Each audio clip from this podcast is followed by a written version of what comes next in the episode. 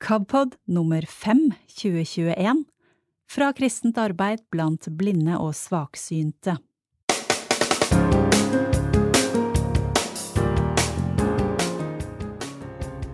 Velkommen til KABpod, som er en samling av KABs forskjellige podkaster. I dag starter vi med informasjon fra generalsekretær Øyvind Boje. Så får vi en samtale med deltakere fra KABs fagforum. En slags tenketank om teologi og funksjonshemming. Vi skal høre Helena Reddings tekst om vanskelig balansegang som blind i synlige stemmer. I Tanker om tro tar Kjersti Langås Valen oss med inn i Salme 139 i Bibelen. Vår faste reporter Kurt Ove Mæland har undersøkt hva det har gjort med oss, det at vi stadig tyr til digitale plattformer når vi skal være sammen. Og til slutt får vi fem klippstoffsaker fra ulike blader som leses inn hos KAB.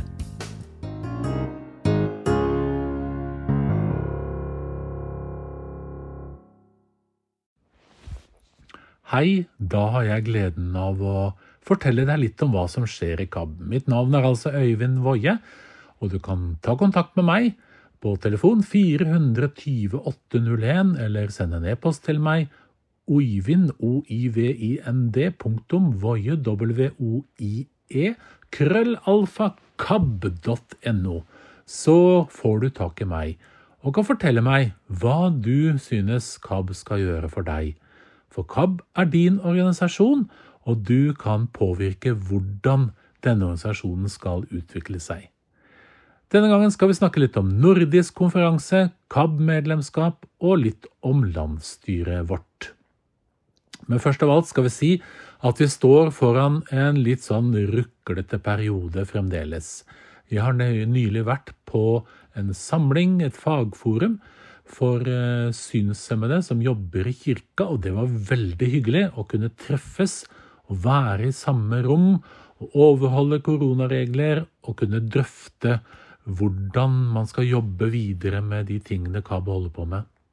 Om vi får til å treffes på de arrangementene som er i sommer, pilegrimsvandring og barne- og familieleir, det vet vi ikke helt ennå, fordi koronaen ennå ikke er under kontroll. Men vi håper nå på at det skal være mulig å reise på nordisk konferanse til høsten. Fordi da har vi kommet såpass langt utpå at det burde la seg gjøre. Og denne nordiske konferansen vår, den skal være i Uddevalla, som er en svensk by som ikke ligger så langt fra norskegrensa. Og vi skal reise på konferanse sammen med søskenbarnet og våre venner i det danske KAB som for øvrig fylte 100 år nylig, den organisasjonen. 9.-12. september inviterer vi syns- og lesehemmede til å bli med på en reise til Å stiftsgård, ikke så langt fra Uddevalla. Temaet er Min plass i kirken muligheter og utfordringer for meg som synshemmet. Det blir seminarer, det blir samtaler, det blir åndelig samvær, det blir sang og musikk. Vi får besøk av Lena Marie Vendelius, som er en meget spesiell kristen inspirator og sanger, som selv har en funksjonsnedsettelse. Og det blir plass til fika, altså kaffepauser på svensk. Du kan overnatte med dobbeltrom for 3150 kroner og enkeltrom for 3800 kroner i full pensjon. Eller du kan velge en vandrehjemstandard som er rimeligere, 2550 for flersengsrom og 3200 for enkeltrom. Det viktigste nå er at vi gjerne vil høre fra deg om du har lyst til å reise på en sånn tur. Vi vet ikke om koronaen er over da, vi håper på det, og at alle er vaksinerte og at vi kan fare av gårde. Men vi vil veldig gjerne høre fra deg om du er interessert, slik at vi kan jobbe videre med planene for dette arrangementet. Så er det litt om KAB-medlemskap. Vi har eh, i overkant av 600 medlemmer som er registrert i KAB nå. Og det er kjempebra. Men for at uh, dette skal være gyldig, så må alle betale medlemskontingenten sin. Og det er det ikke alle som har gjort. Derfor så sender vi ut en purring nå og ber deg om å betale 125 kroner for voksent medlemskap, 80 kroner for barn. Og familie og pårørende kan være medlem av KAB, de også. og da koster det 80 kroner per år for familiemedlemmene. Fordelen med dette er at jo flere medlemmer KAB har, jo synligere og større tyngde får KAB. Vi har en del som bruker KABs tilbud, som ikke er medlem, og vi oppfordrer alle sammen til å betale medlemskapet sitt. I tillegg så beregnes statsstøtta ut fra hvor mange medlemmer vi har. Så hvis vi har mange medlemmer, da får vi mer i statsstøtte, og da er det med å sikre at KAB lever videre og utvikler seg fremover. Så har du fått giro, eller venter på giro, eller har lyst til å bli medlem, så ta kontakt med KAB, ring oss og gi beskjed om at dette vil jeg være med på. Så gjelder det landsstyret vårt. Det er jo et flott styre som består av Kjersti Lium, Ove Hesja, Marianne Skill-Reinsnes, Mette Lilleng, Katrine Alsten, så er det Sissel Bredvei og Bjørn Hansen og Heidi Andersen Madsen, som er styremedlemmer sammen med Kari Underland, som er tillitsvalgt fra KAB, og i styret så møter også Inger Slang og jeg som heter Øyvind Woie. Styret hadde møte sist nå 28. april. Vi har møttes på Zoom, og møter har måttet flyttes pga. at vi har hatt denne koronasituasjonen. Vi hadde et møte da hvor vi snakket om det gode samarbeidet og dialogen vi har med Norges Blindeforbund. Vi ønsker å jobbe tettere sammen med Blindeforbundet. Vi ønsker å bidra mer og komme inn på flere av Blindeforbundets kurssteder og fortelle om dette med de rettighetene alle funksjonshemmede har til å kunne utøve sin tro. Vi vil også jobbe sammen med Blindeforbundet om å spre informasjon om KAB, og også spre, informasjon om Blindeforbundet i våre kanaler. Så møtet med den nye generalsekretæren Per Inge Bjerknes det var kjempeflott, og vi har gode samarbeidsmuligheter. KAB jobber også sammen med NLB, Norsk lyd- og blindeskriftsbibliotek. Lydbiblioteket vårt ligger inne i NLB. Og nå framover så skal NLB faktisk utvikle et nytt utlånssystem, og det har vi tenkt å være med på. Si fra til oss hvis du mener noe om utlånssystemene som vi har på biblioteket. KABs landsstyre har også fått informasjon om et utredningsarbeid om det å jobbe med frivillighet og likepersonsarbeid i KAB. Vi har altså 600 medlemmer som vi ønsker å engasjere mer, noen har, allerede sagt at de har lyst til å være med og være ambassadører og fortelle om KAB. Vi har en jobb å gjøre før vi har fått alt på plass, og nå skal styret drøfte på sitt kommende møte 9.6 hvordan vi kan jobbe med dette. Men det ble det også orientert om på det forrige møtet. KAB holder på å jobbe fram en e-læringsplattform som skal brukes i møte med folk som jobber i kirken. Vi ønsker å lære folk litt om hvordan man er ledsager, og hvordan det er å ha ulike funksjonsnedsettelser. Opplegget heter 100% med, og vi håper at vi er klare med det fra høsten av. Så har vi hatt et møte med Norges kristne råd. Det er viktig for KAB å samarbeide med Den norske kirke, og det er like viktig å samarbeide med de frikirkelige kirkesamfunnene. Og Norges kristne råd er paraplyen for alle de frikirkelige og de ønsker å arbeides tettere sammen med KAB. Vi orienterte også styret litt om arrangementene som er i sommer, og jeg har jo nevnt noen, og skal peke på at vi har ute i september starter vi opp med KAB kortreist igjen. 17. september, da er vi i Trondheim. 8. oktober, da er vi i Bodø. 22. oktober, da skal vi til Bergen. 5. november er vi i Stavanger og 12. november er vi i Sandefjord, og 3. desember er vi tilbake i Oslo og inviterer de som ikke fikk være med på den første samlingen vi hadde. Det som skjer på Kortreist, er at vi møtes. Vi deler litt kunnskap og lærer om å bruke digitale hjelpemidler, sånn som mobiltelefon f.eks. Og vi snakker en god del om hva KAB skal gjøre sammen med deg som er bruker og medlem, og hvordan KAB kan utvikle seg videre framover. Det inviterer jeg deg til. Og så har vi en kjempefin kveldssamling med Helga Samset, som tar oss med inn på en utrolig spennende reise inn i Det nye testamentet som hun har lest inn. Så det blir altså en kort samling fra fredag til lørdag, Og det er veldig bra å være med på, og det er en fin måte å både engasjere seg, få informasjon og oppleve å treffe andre synshemmede. Generalforsamling 2022 tror jeg at jeg har nevnt. Vi ønsker å gjøre det på Syns- og mestringssenteret i Hurdal fra 8. til 12. juni 2022. Så her er det bare å melde seg på. En programkomité er i gang med å forberede programmet, og det skal bli spennende å se hva vi kan tilby dere der. Vi eh, har også uttalt oss i forbindelse med åndsverksloven, som er i endring. Åndsverksloven den beskytter jo bøker og tidsskrifter og alt det som er laget eller skrevet av noen. Og så er det noe som heter Marrakech, som er en internasjonal avtale som kommer inn i åndsverksloven nå, og som gjør det enda lettere å få tilgang på bøker og litteratur fra både forskjellige land og også her til lands. Det var litt om hva som skjer i landsstyret, og etter møtet 9.6 så skal vi fortelle dere mer om hva som ble bestemt der og da. Så er vi kommet til eh, veis ende.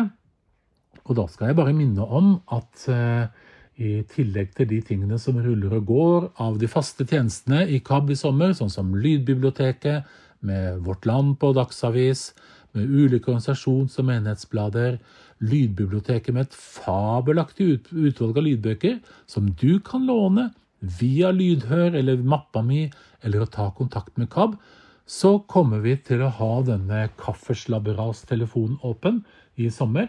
Det er noen av dere som har prøvd det. Det er altså sånn at eh, du ringer et telefonnummer, og telefonen er åpen hver torsdag og hver søndag fra klokken 19 til 20.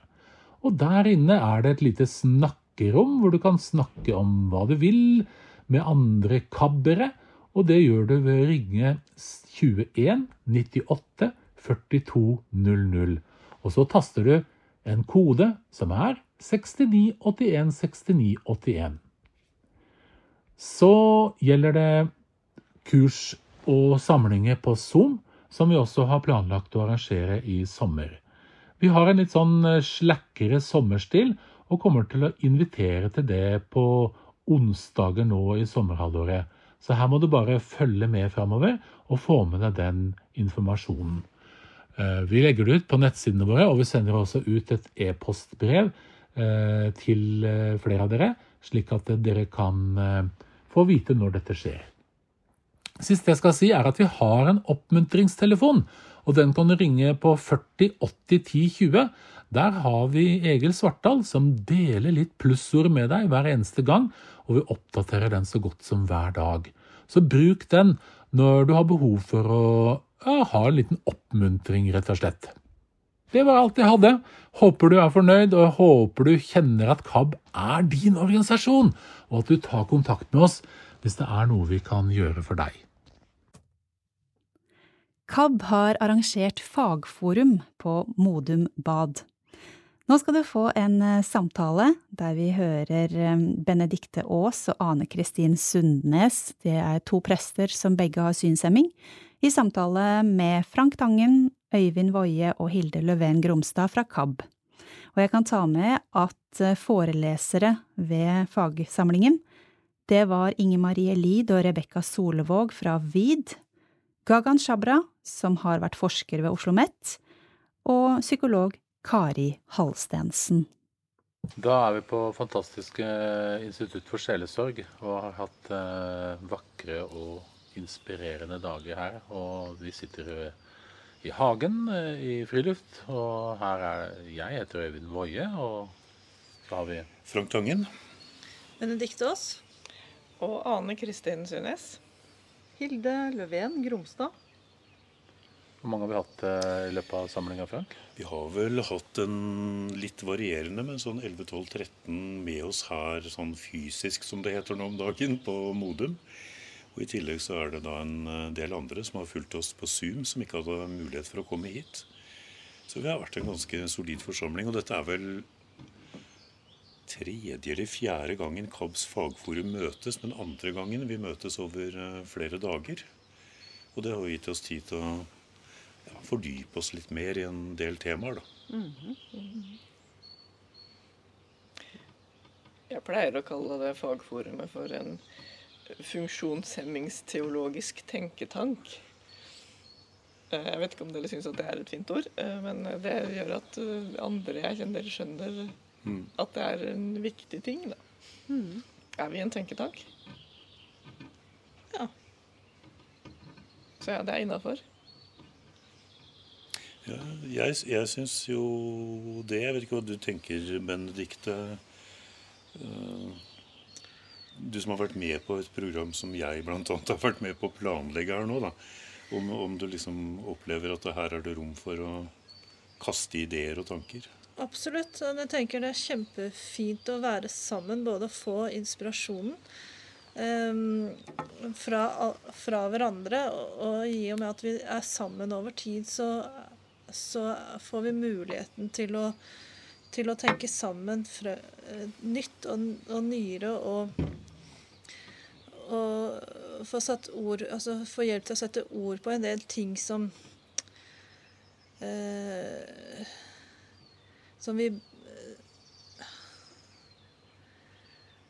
eh, Som vi bærer med oss på en måte inn fra erfaringer sammen med teologien, og det, det syns jeg det er utrolig inspirerende. Og så er det også eh, en, en fin måte å på en måte kunne ha i ryggen og, som bekrefter oss som mennesker med en tanke rundt funksjonshemmingteologien som er veldig fin å ha med seg.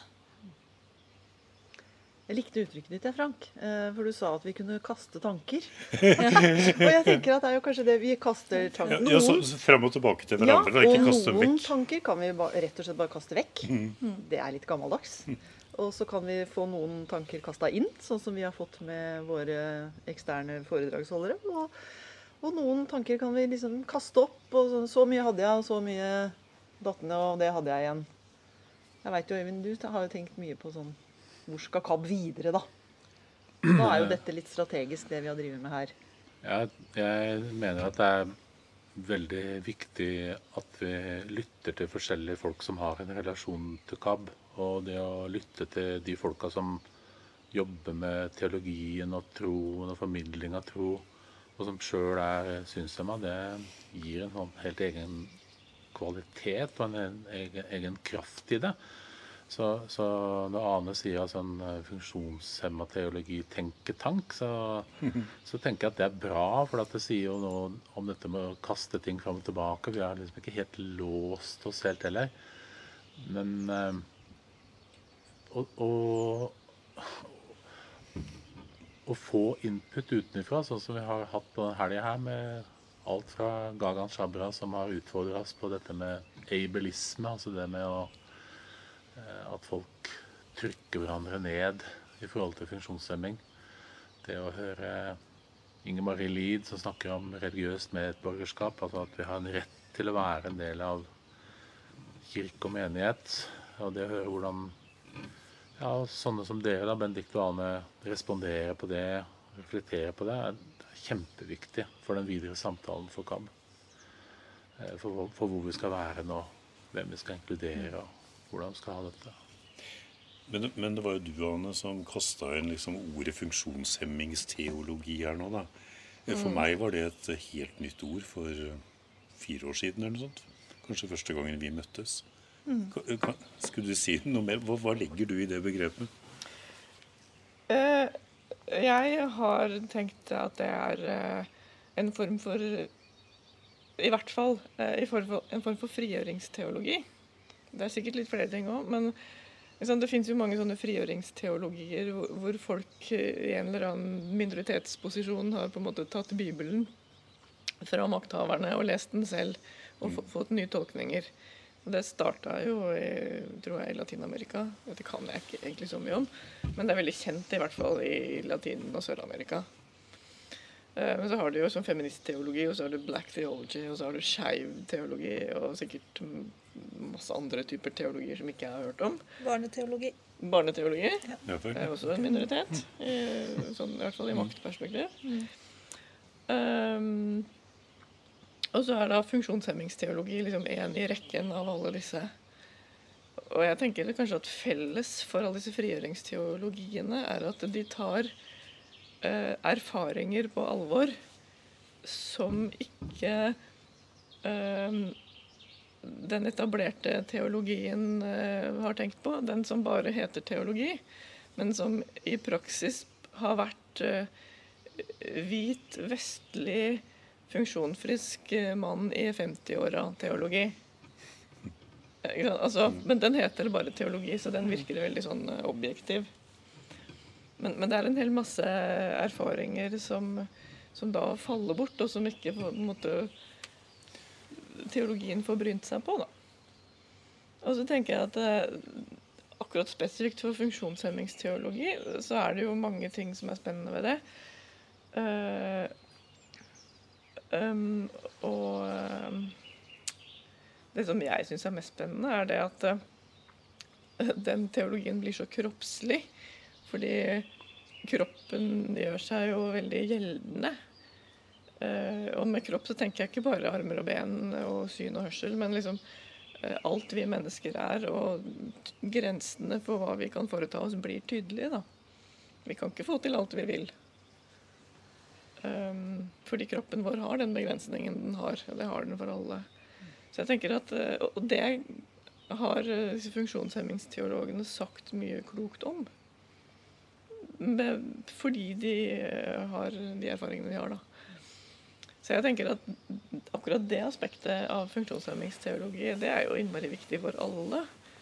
F.eks. alle de der uh, ungdommene som poster sånne stilige bilder av seg sjøl på Instagram hele tida for å få likes. Altså, de mm, liker jo ikke å tenke, vil jeg tenke, da, at eh, kroppen deres er begrenset. Mm. Den skal få til alt og være penest og eh, Men det er bare en liten ting, da. Og så handler det jo veldig mye om, om menneskesyn, selvfølgelig. Mm. Så det har veldig mye um, å si inn i liksom, hva er et menneske uh, um, i relasjon til, til, verden og til Gud og til ja, egentlig alt universet. Uh, så var det en ting til jeg skulle si. Hva var det, da? Uh, jo det, det er funksjonshemmingsteologer som har vist meg veldig tydelig at uh, Gud, eh, når han blir inkarnert i Jesus, også blir inkarnert i en kropp med, med begrensninger som kan betegnes som fysiske funksjonshemminger. Mm. Uh, altså For eksempel så Det må jo ha både gjort vondt og blitt noe varig men av disse naglemerkene i hendene. Uh, og de hadde Jesus jo med seg videre inn i oppstandelsen. Altså, og Det har jeg aldri tenkt på før, for jeg leste det i en sånn bok om funksjonshemmingsteologi. Og det syns jeg var ganske fint. Altså at Gud Gud blir menneske, og da blir han på en måte ikke en sånn supermenneske, men han blir et menneske med veldig sånn tydelige begrensninger. Mm. Det um... Men både du, Anne og Benedicte er jo prester. Mm. Mens vi andre som sitter rundt bordet, vi er i høyeste grad legfolk. Da, for å si det sånn. Men du jobber som, eh, som sykehusprest og møter hovedsakelig psykiatriske pasienter, ikke sant? Mm. Og, og, du, Benedicte, du er jo menighetsprest. Mm. Og skal gjøre alle disse tingene som man gjør i en menighet, med vielser og begravelser og gudstjenester på søndager.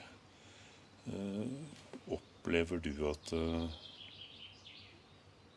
det, det, du, det, vi snakker om om funksjonshemmingsteologi, på en, måte, på en eller annen måte påvirker den forkynnelsen og den tjenesten du har til daglig, eller? Ja, det gjør det. Um, det har lært meg noe nytt i forhold til, tenke, i forhold til tekster. Uh, tenke Gud som eh, sårbar.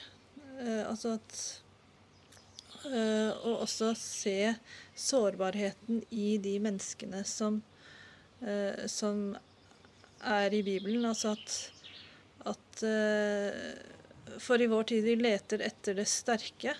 Det kommer kanskje også av den teologien av disse herre eh, menn i 50-årene, som Hanne sa. Altså at, at, man på en måte skal være sterke, og alt skal på en måte funke bra. Eh, men menneske, alle mennesker er gjennom eh, flere ganger i livet sårbare. Eh, og Gud gjorde seg også sårbar som et barn da han ble født, ikke sant? helt avhengig av andre. Og, det, og det tenker jeg er en viktig bit inn i forkynnelsen. Uh, sammen med også uh, sk altså skapelsesteologien. At, at, vi alle sammen er skapt som, menneske, altså som mennesker i Guds bilde. Og, og, det å være skapt i Guds bilde har jo hatt man, altså Man har sett på det på mange forskjellige måter. Eh, funksjonshemmingteologien har lært meg at det handler om relasjon. Eh, og at det også da anerkjenner alle mennesker som en del av, av, av Kristi legeme på en helt annen måte. Eh, som jeg tenker, det er kjempeviktig at vi forkynner eh, inn i, i, i menighetene. At, at vi er at alle mennesker Altså at vi er en At alle hører til legemet. At det er ikke noe A- og B-lag. eller Det handler ikke om ressurser man bærer med seg, men det handler om at alle hører til i skapelsen og alle har en funksjon der eh, som en, i det å være i relasjon til Gud. Eh, og, og jeg tror også at den har gjort meg årvåken uh, i forhold til helbredelsestekstene um, Jeg har sett, altså, sett etter andre ting. Sett en Altså um, Sett altså at de har via, via seg litt ut uh, i forhold til tanken rundt helbredelsene, og, og, og, hva egentlig Jesus gjør i, i møte med de menneskene som han reiser opp der. I, i de tekstene. Så um, Uh, og det, ja, det, det, er vikt, det, er en veldig viktig bit inn i å forkynne i forkynnelsen, tenker jeg. Uh, ja. Og når det gjelder tekstene, um, så er det det som jeg har blitt veldig obs på i det siste Jeg har for så vidt vært obs på det før også, i andre sammenhenger. Men det er det her med, med, med Bibelens virkningshistorie. Og det har jeg tenkt på spesielt i forhold til eh, dette her med synsmetaforer og blind seende. Mm. Um, og da handler det ikke nødvendigvis bare om de her helbredelsestekstene, men, men, om språket som brukes. Altså for så er vel Fariseerne de, de, blir jo betraktet som blinde fordi de på en måte ikke har skjønt det. Da. De har ikke sett lyset, på en måte. Um, det kan hende at det er overprestene også. Men det er i hvert fall Jesu motstandere da, som er blinde. Og det handler jo ikke om at de er blinde, men om at de, at de, er, eh, at de er, litt dumme. De har ikke skjønt eh, greia. Og, og, den typen språkbruk, eller metaforbruk, som, som jo um, Språket vårt er fullt av. Man kan jo bruke andre funksjonsnedsettelser også. Mm. Altså, jeg tenker at å, å lese bibeltekstene med det blikket, ikke sant? Altså hvilken hva, hva, har disse bildene og dette bibelspråket gjort med, med vår betrakt, måte å betrakte verden på? Altså, Blir vi påvirka sånn at vi tror at uh, blinde mennesker er litt dumme, eller gjør vi ikke det? Og så tror jeg at alle vi som sitter rundt det bordet her, uh, og mange andre òg, er såpass bevisste at nei, vi tror ikke det, for vi skjønner at det er en metafor. Men det ligger der likevel som, som noe litt sånn udefinerbart. da. Jo, men Tenker du at Jesus skulle sagt det på en annen måte? da? Altså, ja. For å si som Erna Solberg av og til har sagt, jeg ville ikke sagt det på den måten. Ja, altså, ja, og så er det jo veldig vanskelig å finne en annen måte. fordi at også jeg er jo påvirket av dette språket. ikke sant? Jeg bruker det hele tiden. Mm. Åh, jeg er jo helt blind, sier jeg. ikke sant? Hvis jeg ikke har, ja, det kan jeg bruke både positivt, eller ikke positivt, men både konkret og i overført betydning. Mm.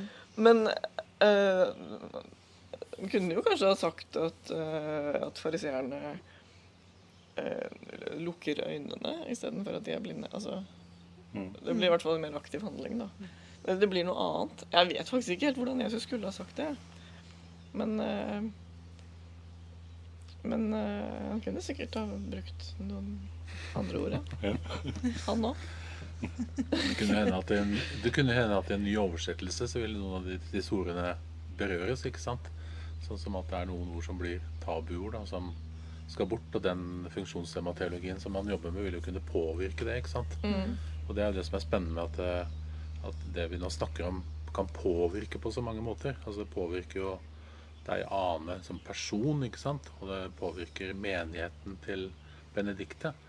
Og så tenker vi også at i KABA at det kan påvirke hele kirka og hele eh, synet på eh, hvordan mennesker med nedsatt funksjonsevne skal være en større del av en helhet. Og så setter det ord på noe som KAB har vært helt siden 1933. Altså Vi har jo vært i denne praksisen og opplevd at det trengs noe ekstra, men nå er fokuset kanskje mer på at istedenfor å sitte for seg selv og lage noe spesialgreier, så vil man mer inn i kirka og være en del av det store fellesskapet. Så det er, det er liksom sprengkraften i dette. At det, det, dette kan påvirke veldig mye, på samme måte som de andre teologiene da, som du nevnte. ikke sant? At det, det gjør noe med hele det, Dette er ikke bare noe vi suller med for oss sjøl, som vi liksom skal ha og digge med sjøl. Det, det er kjempespennende. Ja, jeg tenker at det kan være godt for mange Vi hører jo stadig historier fra folka våre Ja. som utsettes for utilbørlig helbredelsespress. Og det å Press. Eh, Og det å hele tiden liksom skulle Du er litt B-vare, på en måte. Du må fikses. Uh, mens nå er det på en måte sånn som i sangen 'Du er du, og du duger'. Altså, det er sånn du er. Uh, og det har jo f.eks. feministteologi. altså Nå er det jo helt naturlig for kvinner å bli prest. Det var det jo ikke før. Det kunne man liksom ikke forbli. Så jeg kjenner at det er Er det noen nye vinder som blåser litt? Jeg håper det, da. Jo, men jeg tenker også på det eh, Du Anna, du nevnte jo liksom den latinamerikanske frigjøringsteologien. Og så har vi hadde vi jo, eller har sikkert fortsatt, en parallell i USA ikke sant, i forhold til borgerrettsbevegelsen. Martin Luther King er jo en, er i hvert fall et kjent navn i den sammenhengen. Og hvordan forkynnelsen i kirkesamfunnet, kanskje spesielt innenfor baptistiske kirkesamfunn, da, var med på en måte å drive denne bevegelsen framover og føre til ikke- bare en sånn si, teologisk åndelig frigjøring, men til endringer i samfunnet. Altså, altså Tror dere på en måte at det vi snakker om her, altså funksjonshemmingsteologien, kan ha en sånn sprengkraft?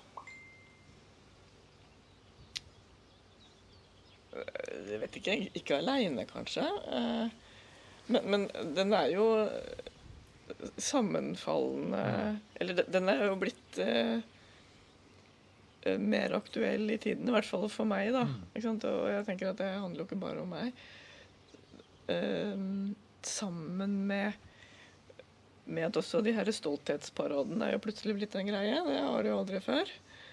Uh, og independent living. Og så, det er liksom veldig mange som snakker om de her tingene. Da. Er ikke, så jeg tror kanskje ikke at teologien sånn helt alene kan sprenge så mye. Så mye makt har den vel ikke i vårt samfunn. Men den har jo makt sammen med alle de andre, kanskje.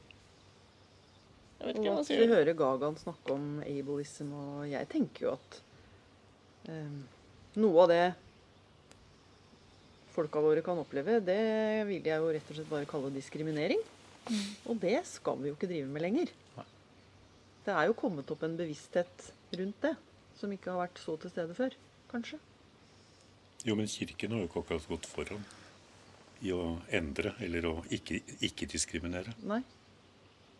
Nei, men, men det er den tangeringa som Ane snakker om, at ting faller litt sammen nå. Så da er det jo kanskje den eh, ytre verdenen som egentlig driver kanskje inn mot kirka og mot det kristne samfunnet. At det, det er der det lugger, lugger mest. Og så eh, ligger jo kirken i verden og påvirkes da av lovregulativene som diskrimineringsloven og disse tingene. Til rettighetskrav og Black Lives Matters. Altså hele dette påvirker. Eh, altså, skulle ikke forundre meg om vi fikk en sånn eh, funksjonshemma liv matters på et eller annet tidspunkt. Eh, og den er jo, det er en bevegelse på det. Eh, så det er kanskje mer at eh, dette her eh, kan sprenge innafor kirka. Og det er kanskje der sårheten også kan komme. da. Eh, og kanskje den følelsen av å krenkes litt sånn systematisk og diskrimineres systematisk i en, i, altså i et eh, fellesskap hvor eh, det er forkynt i utgangspunktet, det som Benedicte sier, at alle har verdi. Det er jo et sted hvor det sies at her er det plass til alle. Og så opplever en i praksisen at det ikke er plass til alle. Så jeg tror at det er innafor kirka kanskje først er mest sprengkraft i det. Men Gagan peker jo også på at eh, kombinert da, med samfunnet så vil det kanskje eh, påvirke også eh, samfunnet og politikken hvis kirka går foran da, og står på disse tingene. Jeg tror Kirken eh, kan gå sammen og gå foran, og jeg tror Kirken jeg syns Kirken har et særdeles ansvar. Eh, nettopp å forkynne at alle som, som, hører til, er en del av legemet. Um, så, så jeg, og jeg tror det er sprengkraft i det, men jeg tenker at det tar tid, og at det er en sånn fellesprosjekt eh, som vi må ha sammen. Um, for vi har også snakket om det med For det her handler jo om handler jo ikke om vond vilje hos mennesker, altså mot folk rundt. Altså det er jo, selv om det ikke oppleves sånn for oss når noen absolutt skal ha oss til å bli friske, så er det jo egentlig ment godt. Uh, og, det, uh, og, med, og, da handler det om en holdning som, som ikke skal være der. Uh, og, det, og det å endre en holdning og en sånn samfunnsstruktur en måte å tenke på om hverandre tar ganske lang tid, og det ser vi også i USA, selv om de har hatt Martin Luther King eh, i 1960 Vi snakker jo 50-60-tall nå, ikke sant? Ja, mm. Så er det fremdeles et problem mange steder at mm. de svarte ikke, mm. ikke, føler at de er på, på linje. Mm. Eh, sånn at eh, vi, vi må Eh, det, det, er, det, er, en ting som vi jeg tror vi må gå inn for å jobbe for. Ja, ja. ja. Og, nettopp det. Altså, har synshemma som personer et ansvar for dette, eller hvordan skal man liksom gjøre dette da? Skal dere gå i tog, da, eller hvordan, hva tenker dere om det? Nå sier dere begge to at dere har sett noen ting nå som kanskje ikke dere har sett før. Skal, hvordan skal man ta denne kampen videre? Altså, hvis man vil gå i tog, så må man gjerne gjøre det. Altså, folk øh, markerer seg jo på ulikt vis. Men nå står det, Jeg bare leser på T-skjorta di, Anne. Det står 'Jeg har villa meg inn i et område der, det ikke går i tog'. Uh, nei, det er ikke, ikke helt sånn. Nei, okay. Der det ikke går tog. Der det ikke går tog. Det, det handler ikke... om togskinner. Oh, ja, så det er, ikke, det er ikke demonstrasjonstog? Nei, så det handler på ingen måte om demonstrasjonstog, dette, denne T-skjorten. Nei, men, okay. men da kan du fortsette. Kan, kan, dere kjenne på en utfordring på det sjøl, liksom, som er sånn Nei, dette det er greit å komme hit og liksom henge litt, men uh, å begynne hjemme uh, er det, Hvordan er den følelsen, liksom? Er det litt jeg kan kjenne litt på det. At, jeg kan bli veldig engasjert når jeg snakker med, med folk her. Og så møter jeg jo noen som uh, viser meg at mine erfaringer er jo ikke bare mine, men det er flere som har de. Og, og, så blir jo det veldig spennende, og så får jeg lyst til å gjøre veldig mye. Og så bytter jeg da i den begrensningen som jeg snakka så varmt om i sted. For det, så orker jeg ikke å gjøre alt dette her. Jeg har ikke kapasiteten. Og, og det blir mye vanskeligere å liksom drive teologi, da. Um, hvis uh, hvis det er det jeg skal gjøre, liksom helt alene hjemme på jobben min. Uh, men, men, bare det å på en måte ha en jobb da, og være synlig som seg selv, er jo også en sånn form for uh, arbeid. Ja. Mm. Så jeg tenker det er jo noe annet, men kanskje vel så viktig. Mm. Altså bare faktisk ha en jobb og vise det fram. Og at det går an. Og jeg, det syns ikke så godt at jeg er synshemma, men jeg har øvd meg de siste årene på å si det ofte. Mm. og på en måte melde behov, da. Eh, det har jo vært en øvelse for meg òg, for så vidt.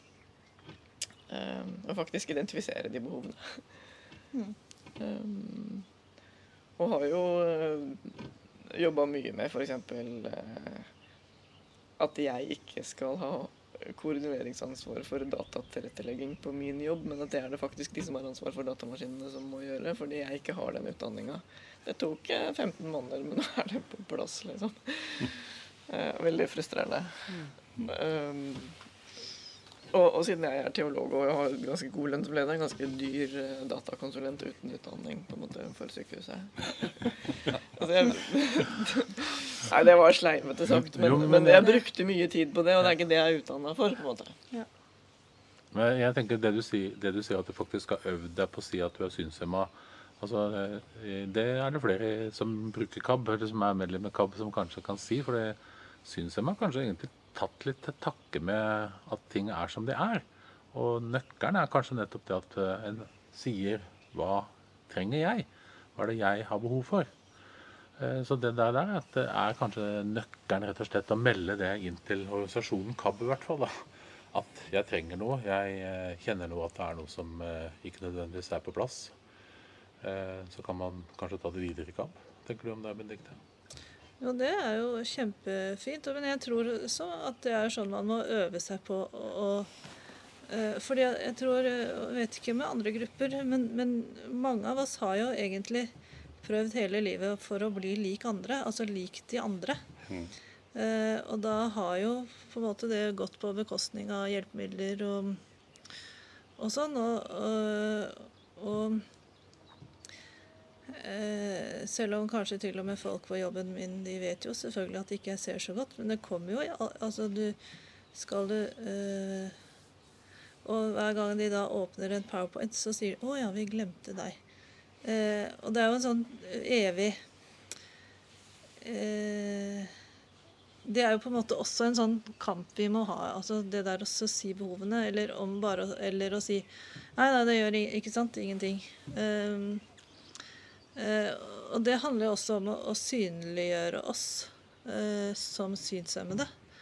Eh, og det, det tror jeg er jo viktig. Eh, og det handler også om å bli forstått. Eh, altså eh, Jeg sier jo også alltid, nesten alltid, eh, i møte med nye at jeg ikke eh, ser så godt, da. Og, og, men jeg sier det i en sammenheng, sånn at de på en måte at på akkurat denne konkrete tingen så uh, vil dere se at det ikke Eller uh, fordi jeg ikke ser så godt, så kommer de til å lese blomstene istedenfor meg, eller sånn.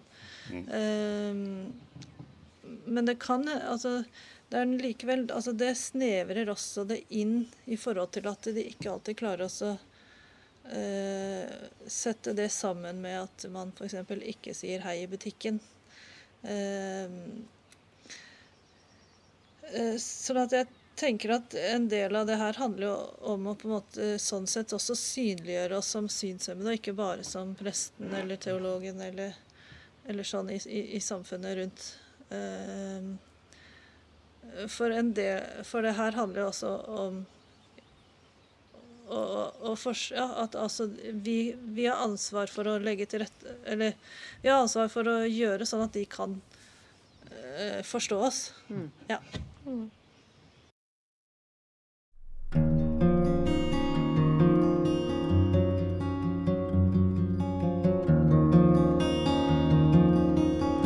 Synlige stemmer. Linedans av Helena B. Redding. Jeg opplever det som en vanskelig dans på line å være blind. På den ene siden kjenner jeg på andres store krav til alt jeg skal klare, noe de har lest om eller sett på TV.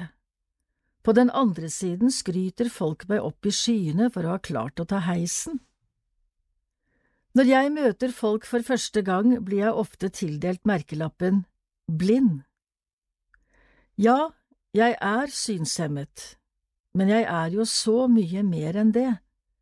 Jeg er kristen, kvinne, ektefelle, mor, svigermor, farmor, datter, søster, tante, kusine, venninne, kursleder, student, som er synshemmet. Det viktigste å huske på er kanskje at jeg er bare meg. Alle påvirkes vi, i noen grad, av menneskene vi omgås i våre liv. Å speile seg i andre er naturlig og kan ha innvirkning på vår selvfølelse og selvtillit i positiv eller negativ retning. Vi får mye informasjon fra de forskjellige mediene hver eneste dag, og når personer vi kan identifisere oss med blir fremstilt på en bestemt måte, kan vi lett speile oss i den og oppleve et skifte i hvordan vi ser på oss selv. For noen år tilbake deltok jeg i en nordisk konferanse for synshemmedes søsterorganisasjoner.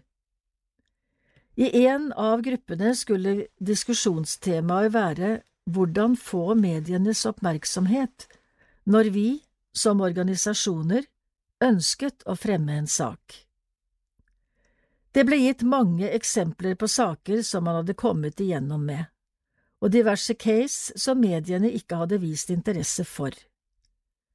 Det ble en livlig og interessant diskusjon hvor mange ideer og synspunkter ble fremlagt. Det som likevel jeg sitter igjen med, er noe som ble lagt frem av den ene organisasjonen, og som de fleste i rommet kjente seg igjen i. Det var at sakene måtte være litt ekstraordinære for å fange medienes interesse.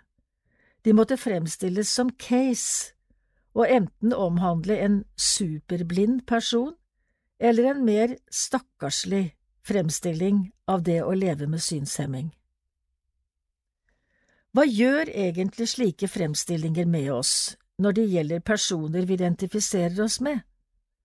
Påvirker de vårt selvbilde, selvtillit og eller vårt syn på egen identitet?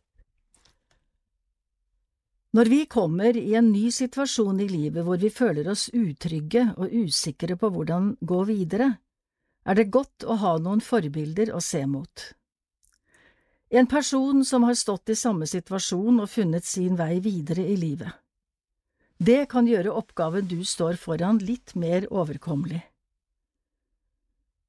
Hva kan det da gjøre med meg, som nyblind, å høre historien på nyhetene om personen som har ventet i fem år på å få tilbud om rehabilitering, og som fortsatt sliter med å kunne smøre seg en brødskive til frokost? Fem år er en evighet når du sitter der i en sår og vanskelig situasjon med et stort ønske om å få formidlet håp å klamre seg til. Når du møtes med noe som kan oppleves som det motsatte, kan du rett og slett miste motet. Men slike saker påvirker ikke bare individet som kan identifisere seg med vedkommende. Det kan også påvirke personens nåværende og fremtidige omgivelser. Sånne historier gjør noe med oss, og vi har lett for å ta de med videre i livet og fargelegge andre i lignende situasjon med den samme malerkosten. På den andre siden hører vi historier om superblinde som klarer det mest utrolige, ja, til og med ting fullt seende aldri ville gitt seg ut på. Hva gjør det med oss?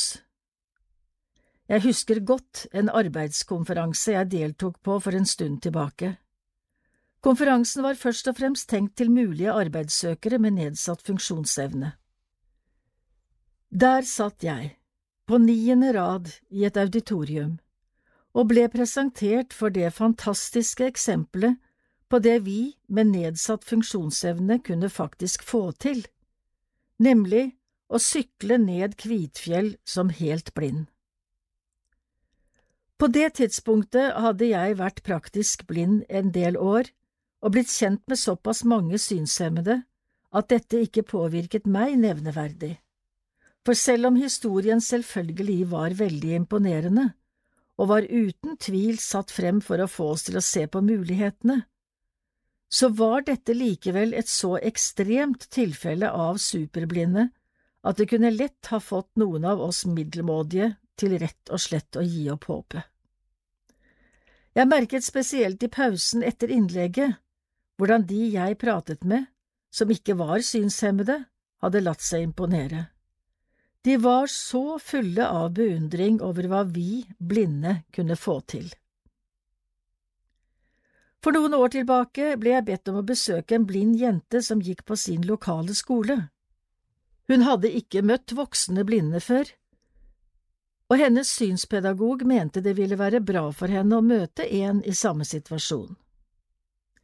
Jeg besøkte skoleklassen, og vi fortalte litt om det å være synshemmet, om punktskrift og førerhunder, men mest av alt pratet vi om at vi som var synshemmede, var like forskjellige som alle andre, at vi hadde ulike interesser, ønsker og drømmer, hadde samme behov som alle andre, men at det vi trengte iblant var tilrettelegging for å kunne få dekket disse behovene.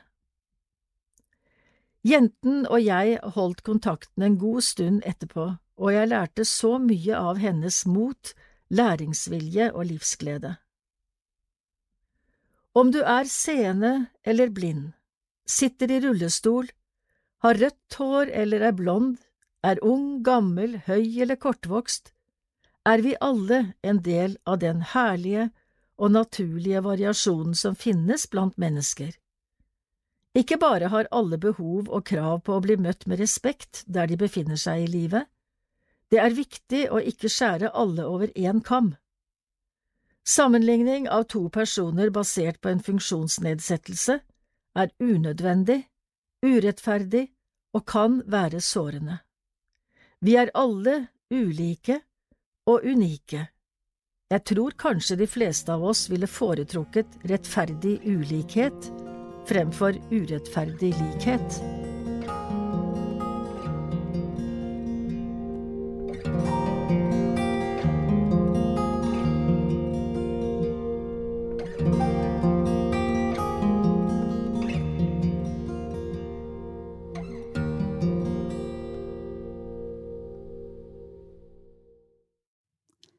Velkommen til eh, Tanker om tro fra KAB, kristent arbeid blant blinde og svaksynte.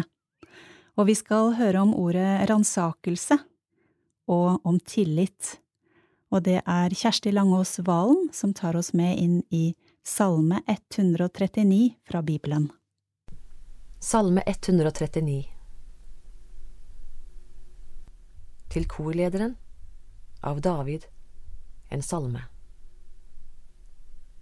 Herre, du ransaker meg, og du vet. Du vet om jeg sitter eller står. På lang avstand kjenner du mine tanker. Om jeg går eller ligger, ser du det. Du kjenner alle mine veier. Før jeg har et ord på tungen, Herre, kjenner du det fullt ut. Bakfra og forfra omgir du meg. Du har lagt din hånd på meg. Det er et under jeg ikke forstår.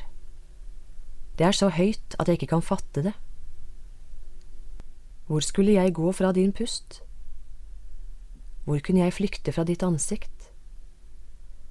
Stiger jeg opp til himmelen, er du der. Legger jeg meg i dødsriket, er du der.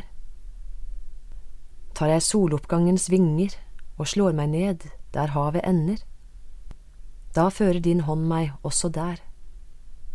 Din høyre hånd holder meg fast. Jeg kan si, la mørket skjule meg og lyset omkring meg bli natt. Men mørket er ikke mørkt for deg.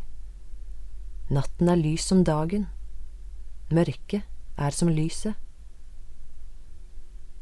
For du har skapt mine nyrer. Du har vevd meg i mors liv. Jeg takker deg for at jeg er så underfullt laget. Underfulle er dine verk, det vet jeg godt. Knoklene mine var ikke skjult for deg da jeg ble laget på hemmelig vis og vevd dypt i jorden. Dine øyne så meg da jeg var et foster. Alle dager er skrevet opp i din bok. De fikk form før en av dem var kommet. Dine tanker, Gud, er dyrebare for meg. Summen av dem er ufattelig. Teller jeg dem, er de talløse som sand. Blir jeg ferdig, er jeg ennå hos deg. Gud, om du ville drepe den lovløse, om drapsmennene vek fra meg. De taler svikefullt om deg, dine fiender svelger falskt. Herre, jeg hater dem som hater deg, og avskyr dem som står deg imot. Jeg hater dem med et grenseløst hat. De er blitt mine fiender. Ransak meg, Gud, og kjenn mitt hjerte. Prøv meg og kjenn mine tanker. Se om jeg følger avguders vei, og led meg på evighetens vei. Salme 139 er en kjent og kjær salme. Salmen bærer preg av stor tillit. Den som synger eller skriver her, viser at han eller hun har en stor tillit til den han henvender seg til. Fordi han har erfart at Gud er god. Derfor våger han å be Gud om å komme og ransake. Ordet ransakelse er jo umiddelbart noe som vi tenker på som noe negativt.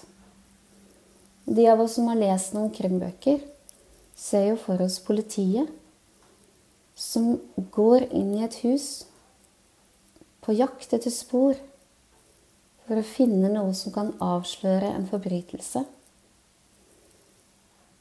Politiet endevender alt der de kommer, og etterlater seg noe rasert. Og for å få lov å ransake, så trengs det en tillatelse. Det finnes strenge regler for sånt. Men når samisten her bruker ordet ransakelse, så bruker han det ikke som noe negativt. Nei, tvert imot. Han ønsker Gud velkommen inn i livet. Fordi han har tillit. Tilliten fins der allerede. Det er en erfart tillit. Han har opplevd Gud i livet sitt. Gud har vært nær og god. Sånn er hans liv med Gud. Sånn er Gud i livet hans. Derfor blir ransakelse ikke noe skremmende. Fordi han har tillit til at den som ransaker, at Gud ikke kommer for å lete etter noe feil. Ikke kommer med hensikten om å finne noe som er galt. Fordi han har erfart at Gud er god. Og han har erfart at Gud er nær og omslutter ham. Bakfra og forfra omgir du meg, Herre. Om jeg sitter eller står, om jeg løper eller går. Om vi setter oss ned for å hvile, eller om vi er klar for en ny dyst, om vi er klar for en ny etappe i livet, eller om vi har nådd reisens siste slutt og bare ønsker å rede oss et leie i dødsriket. Uansett. Uansett hvor vi er i livet, så er Gud nær. Så er Gud til stede. Med sin visdom og med sin godhet. For noen så har ikke dette føltes trygt og godt. At Gud er overalt og ser alt og vet alt. For noen så har det opplevdes veldig utrygt og skremmende. Fordi den kristne troen har blitt formidlet og praktisert på en feil måte for mange. Helt siden dens tidlige start. Og det er så trist. For det er ikke sånn det skal være. Og det er en stor kontrast til sånn salmisten formidler det. Av den opplevde tilliten. Av den erfarte godheten og tryggheten om at Gud ser alt og tar imot det, anerkjenner det og ser i nåde til oss. Før jeg har et ord på tungen, så vet du det, Herre. Ja, når vi forteller Gud ting, så er det jo ikke noe nytt for Gud. Alt du forteller ham, vet han om på forhånd. Han er aktiv til stede, oppsøkende. Han kommer oss i forkjøpet. Og er allerede aktiv for å gi oss et godt liv, en god framtid. Vi trenger hans vern og hans beskyttelse. Og det er der før vi erkjenner at vi trenger det. Gud er oppsøkende og aktiv og kommer oss alltid i forkjøpet, heldigvis. Vi trenger ikke vente på Han. Han er allerede til stede i livene våre. Allvitende, omsorgsfull, kjærlig og full av nåde.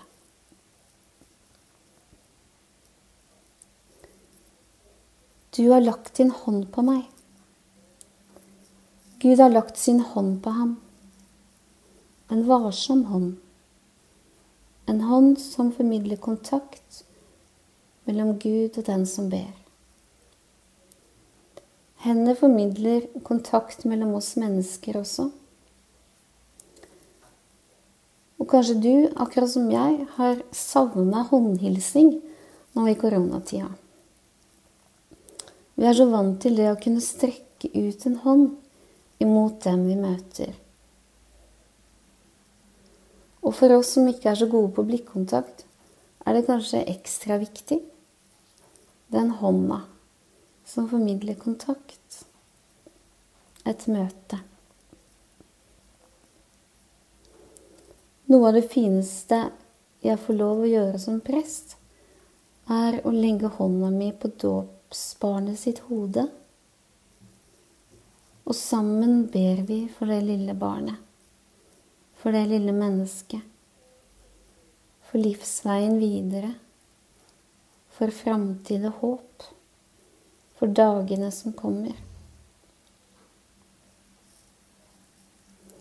Og det lille hodet, det rommer så mye. Det rommer alt hva det lille mennesket tenker og føler. Og vi legger det lille barnet i Guds hender. Guds omsorgsfulle, gode hånd.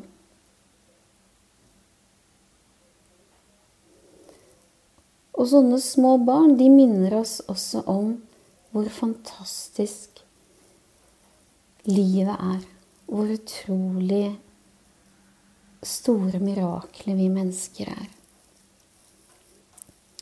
Og det sier salmisten også.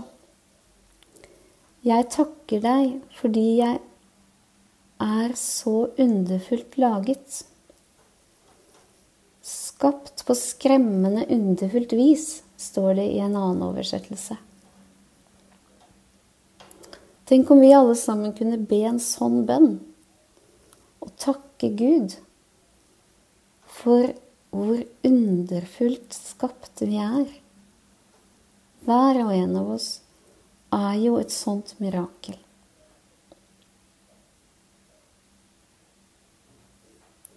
Tenk om det virkelig kunne synke inn hos oss ta skikkelig plass i oss. At vi er underfullt skapt. Da kanskje vi kunne få bort alle disse negative tankene. Bort med mobbing. Bort med små tanker om oss selv eller andre.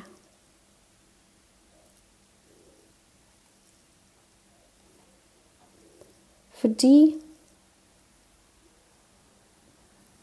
vi lever. Vi puster og er til. Vi tenker og føler. Vi gråter og ler. Vi synger og spiller.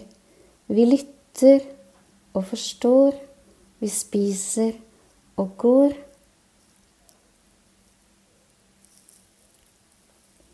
Vi faller, og vi reiser oss igjen. Jeg vil avslutte med en bønn som jeg lærte på en retreat. Den kan være fin å lære seg utenat.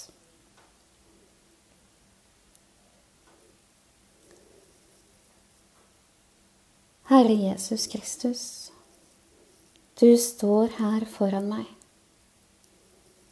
Du er også bak meg. Du er ved min høyre side. Du er ved min venstre side. Du er over meg. Du er under meg. Du omgir meg på alle sider. Du bor i mitt hjerte. Du gjennomtrenger meg helt. Og du elsker meg, Herre Jesus. Du har hørt podkasten Tanker om tro fra kristent arbeid blant blinde og svaksynte. Og vil du vite mer om oss, kan du sjekke kab.no på nett, eller sende oss en e-post kab.alfakrøllkab.no. og vi har også et telefonnummer 6981 6981. Hei, du hører på en ny episode av podkasten Blindebukk, som produseres av meg, Kurt Ove Mæland, for KAB. Så en gang så tok jeg mikrofonen opp i ansiktet hans når han lå på sofaen og virkelig dro skikkelig. Ja, det er mangt man kan gjøre med en båndopptaker. Du skal få møte Irene Bøen, som begynte faktisk med båndopptaker, og nå har hun endt opp med å være med på Zoom-møter via sin iPhone. Hallo! Halla igjen. Halla igjen, du. Og så skal du få møte en barndomsvenninne av meg. Hun er blitt psykolog, og da er det jo nærtliggende å tenke på hva søren er det jeg har blitt, men det er ikke det vi skal snakke om. Vi skal preike litt om det der å møtes på digitale plattformer, og hva slags erfaringer vi har gjort i forhold til det. Men først så skal vi tilbake til 60-tallet. Da fikk Irene Bøen sin første båndopptaker, og det sitter hun og forteller her til meg nå på intervju via sin fletta nye iPhone. Ja da, for jeg hadde Rundt 1960 så fikk jeg en Tandberg eh, lydbåndopptaker, og det var jo en sånn ganske stor sak med åpne bånd som du måtte tre for at de skulle sitte fast. Og så startet du, og så gikk båndene rundt. Og noen ganger så, så, gikk de jo i stykker, ikke sant. Da måtte du tre på nytt, og da mistet du jo litt av det du hadde hørt. Ja, da hørte jeg mye på Vi hørte på lydbøker som vi kunne få da på sånne bånd. Og så tok jeg jo opp en del saker og ting, da. Som var litt morsomme. Det, det var jo litt gøy, det, da. Jeg, blant annet da faren min han påsto at han ikke snorka. Og så, så, en gang så tok jeg mikrofonen opp i ansiktet hans når han lå på sofaen og virkelig dro skikkelig. Og det var, det var jo litt gøy etterpå, da. Det ble mye rart av det. For han ble så sinna. Vi spilte det litt for tidlig. Sånn at han rakk ikke å våkne ordentlig først. Han skulle jo hatt en kopp kaffe, da hadde han kanskje ledd, han òg. ja, han lo seinere. Nå er da både kassett, CD og spolebånd selvfølgelig en velkjent historie.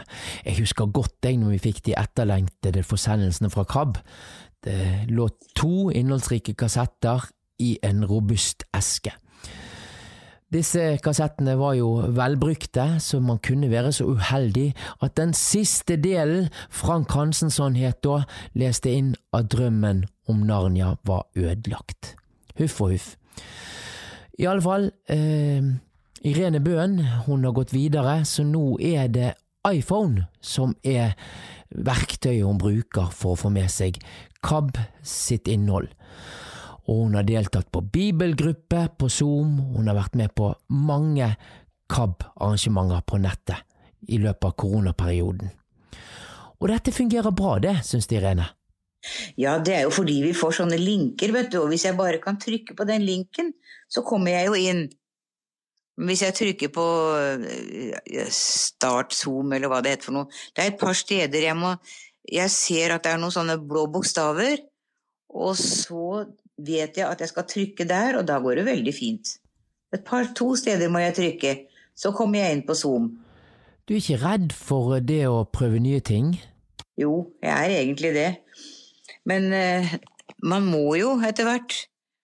Og så er det jo litt greit å, å kunne ting òg. Så en må jo bare følge med når, hvis en skal følge med på andre ting som man skal være med på, så, så er det jo det man må. Irene har eh, jobbet som fysioterapeut i hele yrkeskarrieren, og er selvfølgelig veldig obs på det at det er viktig både med fysisk og psykisk nærhet for å se mennesker. Men det funker godt òg å være i Sandefjord og være ganske fjern fordi man skal være nær med i en samtale på nettet. Jeg syns jo det er mye bedre enn å, å ikke være med. Fordi at eh, du får jo et, får et bånd til dem likevel. Jeg syns det er veldig hyggelig å høre stemmene til dem jeg kjenner fra før og sånn. Og så får man jo Ja, vi får snakke sammen og bryne tankene våre. Og, og den tilhørigheten til KAB blir jo også styrka, syns jeg, når vi kan være sammen sånn. Altså, det er jo mye bedre å, å være sammen fysisk, og høre stemmen som den er. Uh, men jeg, men, jeg syns jo det er en, en veldig viktig ting å kunne ha de sosiale sammenkomstene òg, eller digitale blir det vel. Og så jeg Man kan jo få tanker av det òg. Det å kunne Ja, har du tenkt sånn, ja? Det var fine tanker. Ja, det er noe å bygge videre på. Så jeg syns at det er tross alt um, jeg, tenk, jeg, har tenkt en del på dette her at det, da Jesus kom, så uh, var veier Altså, de var ett stort rike som de var en del av, tross alt, selv om ikke de ville være det. Uh, Romerriket var jo stort den gangen. Og, og veier var bygd ut. Det var mye enklere å komme fra sted til sted eh, enn det det hadde vært tidligere. Så det var liksom Jeg tror Gud hadde laga det sånn for at evangeliet skulle komme fortere ut. Og nå når vi er i den pandemien, så har jeg tenkt som så at eh, eh, nå er det lagt til rette med alle disse digitale plattformene, sånn at vi kan eh, holde fast ved evangeliet likevel.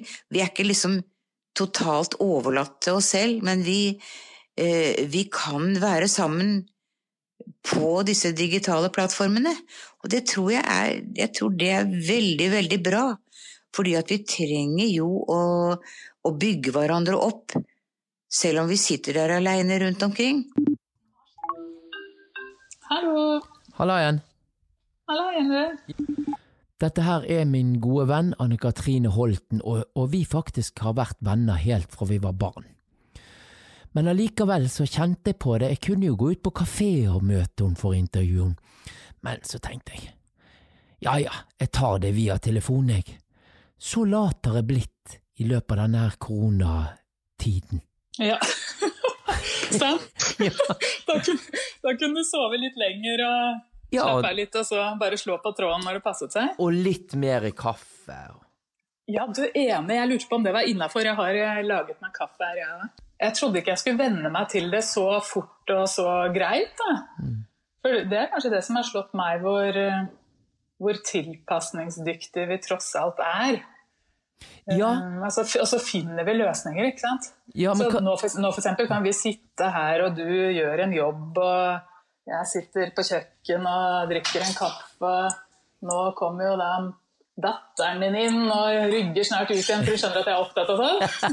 Så det er det rene, kjære kaoset her hjemme på hjemmekontoret. Vi, vi har noen på hvert rom. altså hvis det blir mye snekkerlyder, så har vi også en oppussing på gang i underetasjen her, så beklager det. altså. Ja, det har jo alle brukt tiden til nå, til oppussing også. Men, men jeg syns det er veldig spennende. Jeg har jo intervjuet en, en dame her som er, eh, har vært med på å ha hatt lydbånd, og nå er hun med på sånne møter og sånn på Zoom og FaceTime og alt dette her, liksom. Det, det, det er utrolig hva, hva, vi klarer å få til når vi må, på en måte. Mm.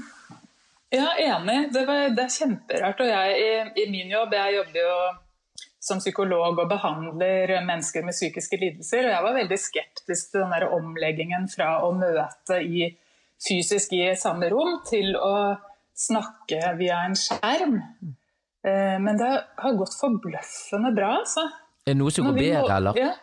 Syns du? Ja det, kan, ja det, kan, du si. Det er et bra spørsmål. for vi, eh, På den klinikken jeg jobber, så er vi veldig opptatt av å måle resultatene. sånn at vi, vi har veldig gode, gode, og valide mål på hvordan det går med pasientene våre. og Da kan vi sammenligne resultatene før korona og nå i korona. Altså Hvordan gikk det når vi møtte pasienten face to face, og hvordan går det nå når vi stort sett møter dem via eh, skjerm. Og så ser vi at vi får like gode resultater uansett hvordan vi møtes. Og det er jo kjempeoverraskelse Altså jeg syns det er overraskende, altså jeg hadde ikke trodd det. Mm. Men det, det, ser ut til å funke. Og når du spør om noe går bedre, så er det faktisk sånn at noen eh, av de pasientene vi har, de har vært i behandling før. Altså De har testet ut behandlingen vår, for vi har et sånt firedagersprogram. Jeg driver og prøver å kurere tvangslidelse. ikke sant? Mm -hmm. Så har vi et firedagersprogram, og så har de gått gjennom det programmet før korona. Og så har de fått tilbakefall eller et eller annet har begynt å tulle seg til igjen, så de trenger en ny runde behandling. Og da har de fått den digitalt siden vi er i koronatider. Og, og, da kan jeg jo spørre de hvordan, hva syns dere, hvis dere kunne velge, kan jeg spørre etter den digitale behandlingen Hvis du kunne velge, ville du da valgt fysisk oppmøte, eller ville du valgt behandling digitalt, sånn som du har fått denne uken her? Og da er det ganske mange som svarer at de syns digitalt var veldig praktisk. Eh, nettopp fordi at, eh, sånn som du nevnte i stad, da slipper man denne reiseveien. Det er det ene. Eh, og det andre var at de opplever at de kjappere tar ansvar for endringsprosessen selv. For det er jo endring jeg jobber med. Jeg skal prøve å sette håp i pasientene og få dem til å gjøre viktige endringer i livet. Og det de sa var at når de liksom sitter der da, bak skjermen sin helt alene i det rommet, så tar de ballen kjappere selv og får gjort de endringene som trengs. Så kanskje er det et mulig funn. da at eh, det ansvarliggjør pasienten i større grad når, når vi jobber digitalt. Og så mindre farlig kanskje at det Ja, det kan godt hende det. ikke sant? At eh, man får en sånn nødvendig distanse. sånn at da, bare sier jeg det, liksom. Eh, som det er. Eh, forteller om det vonde. Eh, for mange syns det er litt krevende å sitte sånn ansikt til ansikt og se hverandre inn i øynene, og så skal du si det som er så vanskelig. Så kan godt hende at vi får en liten sånn effekt av det òg. At det blir en liten sånn beskyttelse i det å sitte bak hver sin skjerm. Jeg husker jo det en gang, Ase. Du, ja, det var litt artig. Ja, nå kom jeg på det. Nei, vi, vi gikk jo vi gikk til skolen, og både på godt og vondt og alt, sant. Så, og så ja, husker du, jeg jeg. nå er vi tilbake til barndommen. Ja, nå er vi tilbake til barndommen, men vi må litt fram og tilbake. For da husker jeg du sa en gang at det, at eh, du, Kurt, det er liksom litt, litt sånn mindre skummelt å, å, preike med deg, for du ser ikke meg med blikket, liksom. ja. ja. men, det er jo litt, men, men, men det er jo litt ja. sånn distansering, det òg, på en måte. Og, og ikke, man, man, føler seg ikke sett, men det du ikke visste, var at det så mye mer. Ja, det er akkurat det! ikke sant? Det har jeg skjønt nå senere tid, men dette var i min verste pubertet. Men det var jo ganske moden refleksjon til meg å være i 14-årsalder. At, at jeg sa til deg at å, det er noe fint med deg, Kurt. At, og jeg tror jeg kan ha sagt noe sånt som at jeg føler meg litt friere sammen med deg. Fordi at eh, ja, det, det, Jeg tror det har noe med deg som person og at du er veldig sånn åpen og nysgjerrig. og jeg opplever deg ikke så veldig dømmende heller. ikke sant? Du er klar for all informasjon du kan få. Det, det trenger du å få høre. ikke sant? Så da kunne jeg bare pøse på med tull og tøys og, og ekte vare også, ikke sant? uten at jeg fikk et sånt skeptisk blikk fra deg. da. Ja, jeg tenker at det er hensiktsmessig for uh, fasaden min at vi stopper her i dag. Det er godt det der å kunne redigere litt sin egen uh, fasade. Yes, uh, du har hørt på Blindebok, en podkast produsert for KAB. Av meg, altså Kurt Ove Mæland. Og går du inn på KAB sine sider, så finner du mange andre interessante podkaster. Tusen takk for at du brukte tid på denne podkasten.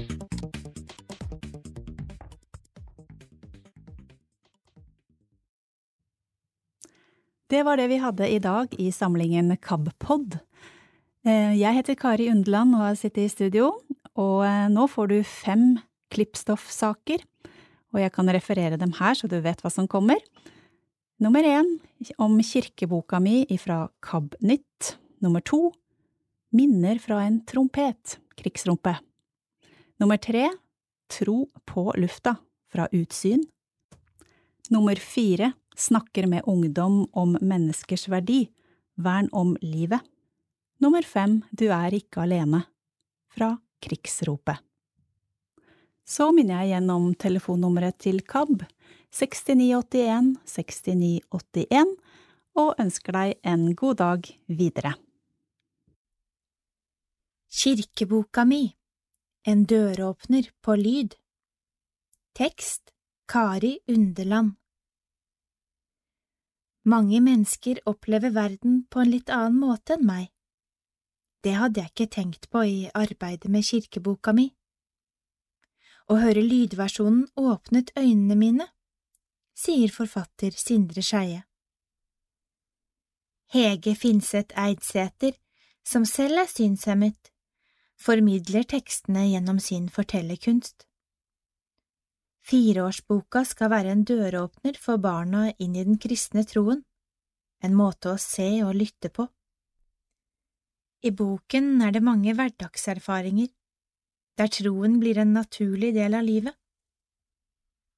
Det er viktig for meg at dette ikke er en teoribok i tro, sier forfatter Sindre Skeie. Kirkeboka mi inneholder en rammefortelling som handler om noen barn og deres opplevelser som har med tro og kirke å gjøre. I tillegg inneholder den fortellinger om Jesus og noen enkle bønner. Boken er utgitt i 2020 på IKO forlag. Lyd Sindre Skeie er utdannet teolog. Han har skrevet flere salmer og arbeider nå med en doktorgrad ved VID, Vitenskapelige høgskole. Når jeg hører lydboken, blir jeg rørt. Her har Hege Finseth Eidsæter gått skikkelig inn i teksten og satt seg inn i dybden av historien.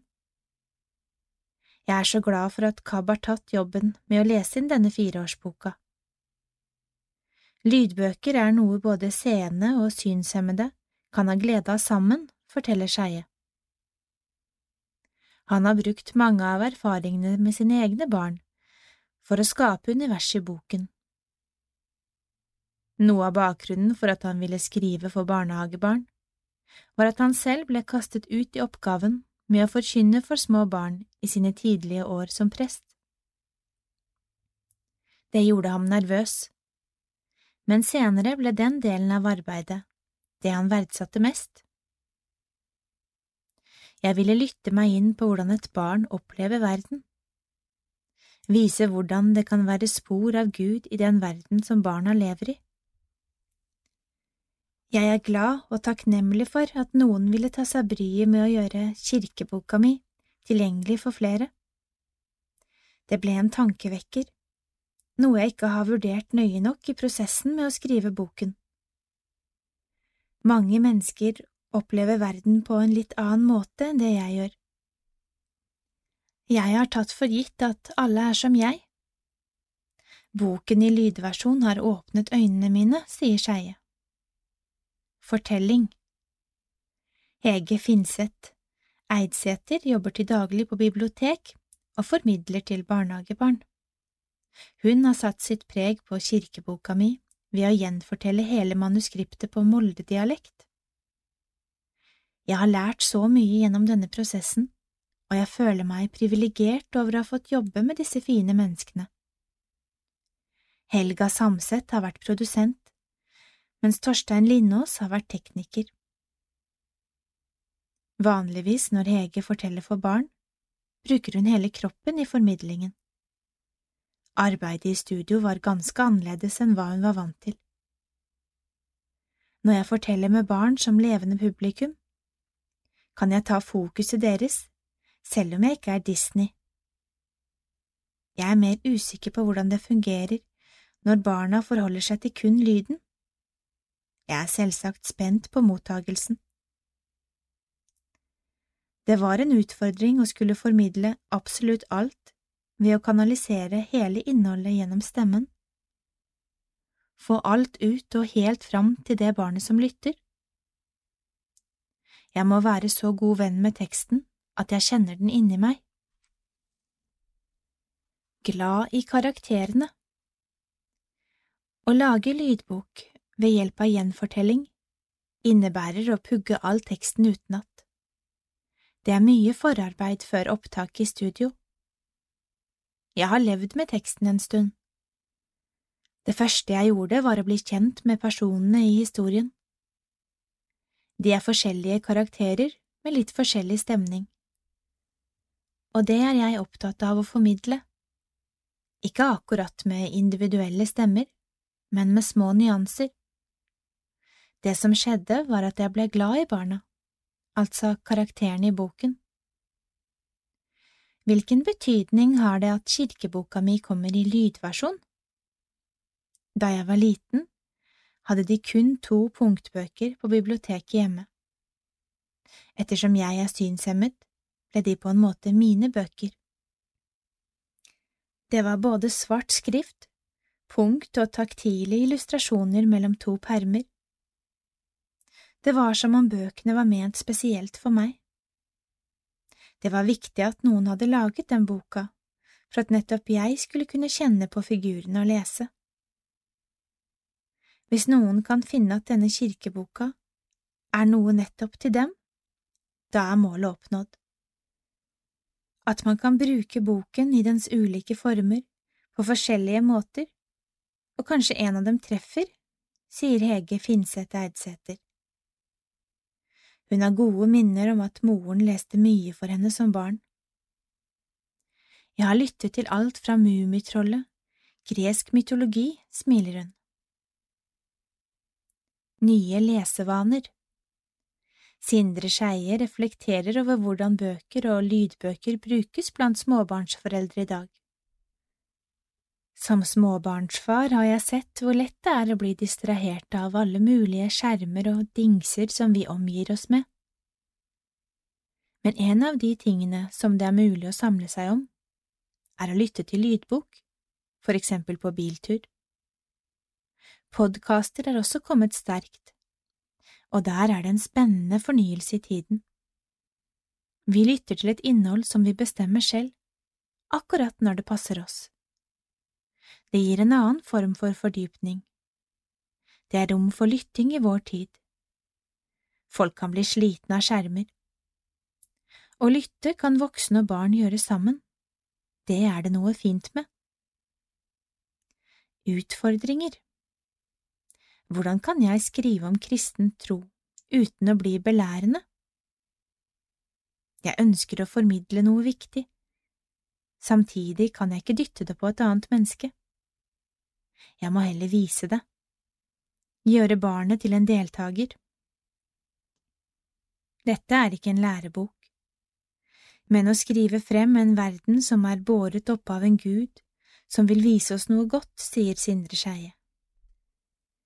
Kirkeboka mi på lyd produseres hos KAB i en gaveeske som inneholder både boken, lydfil, CD og morsomme figurer i tre.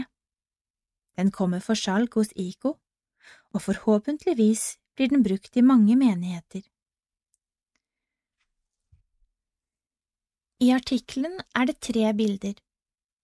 Det første bildet viser Sindre Skeie stående i en kirke med kirkeboka mi i hånda.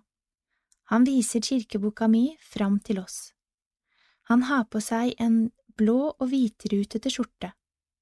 Han har svart til grålig hår og litt skjegg. Han er smilende.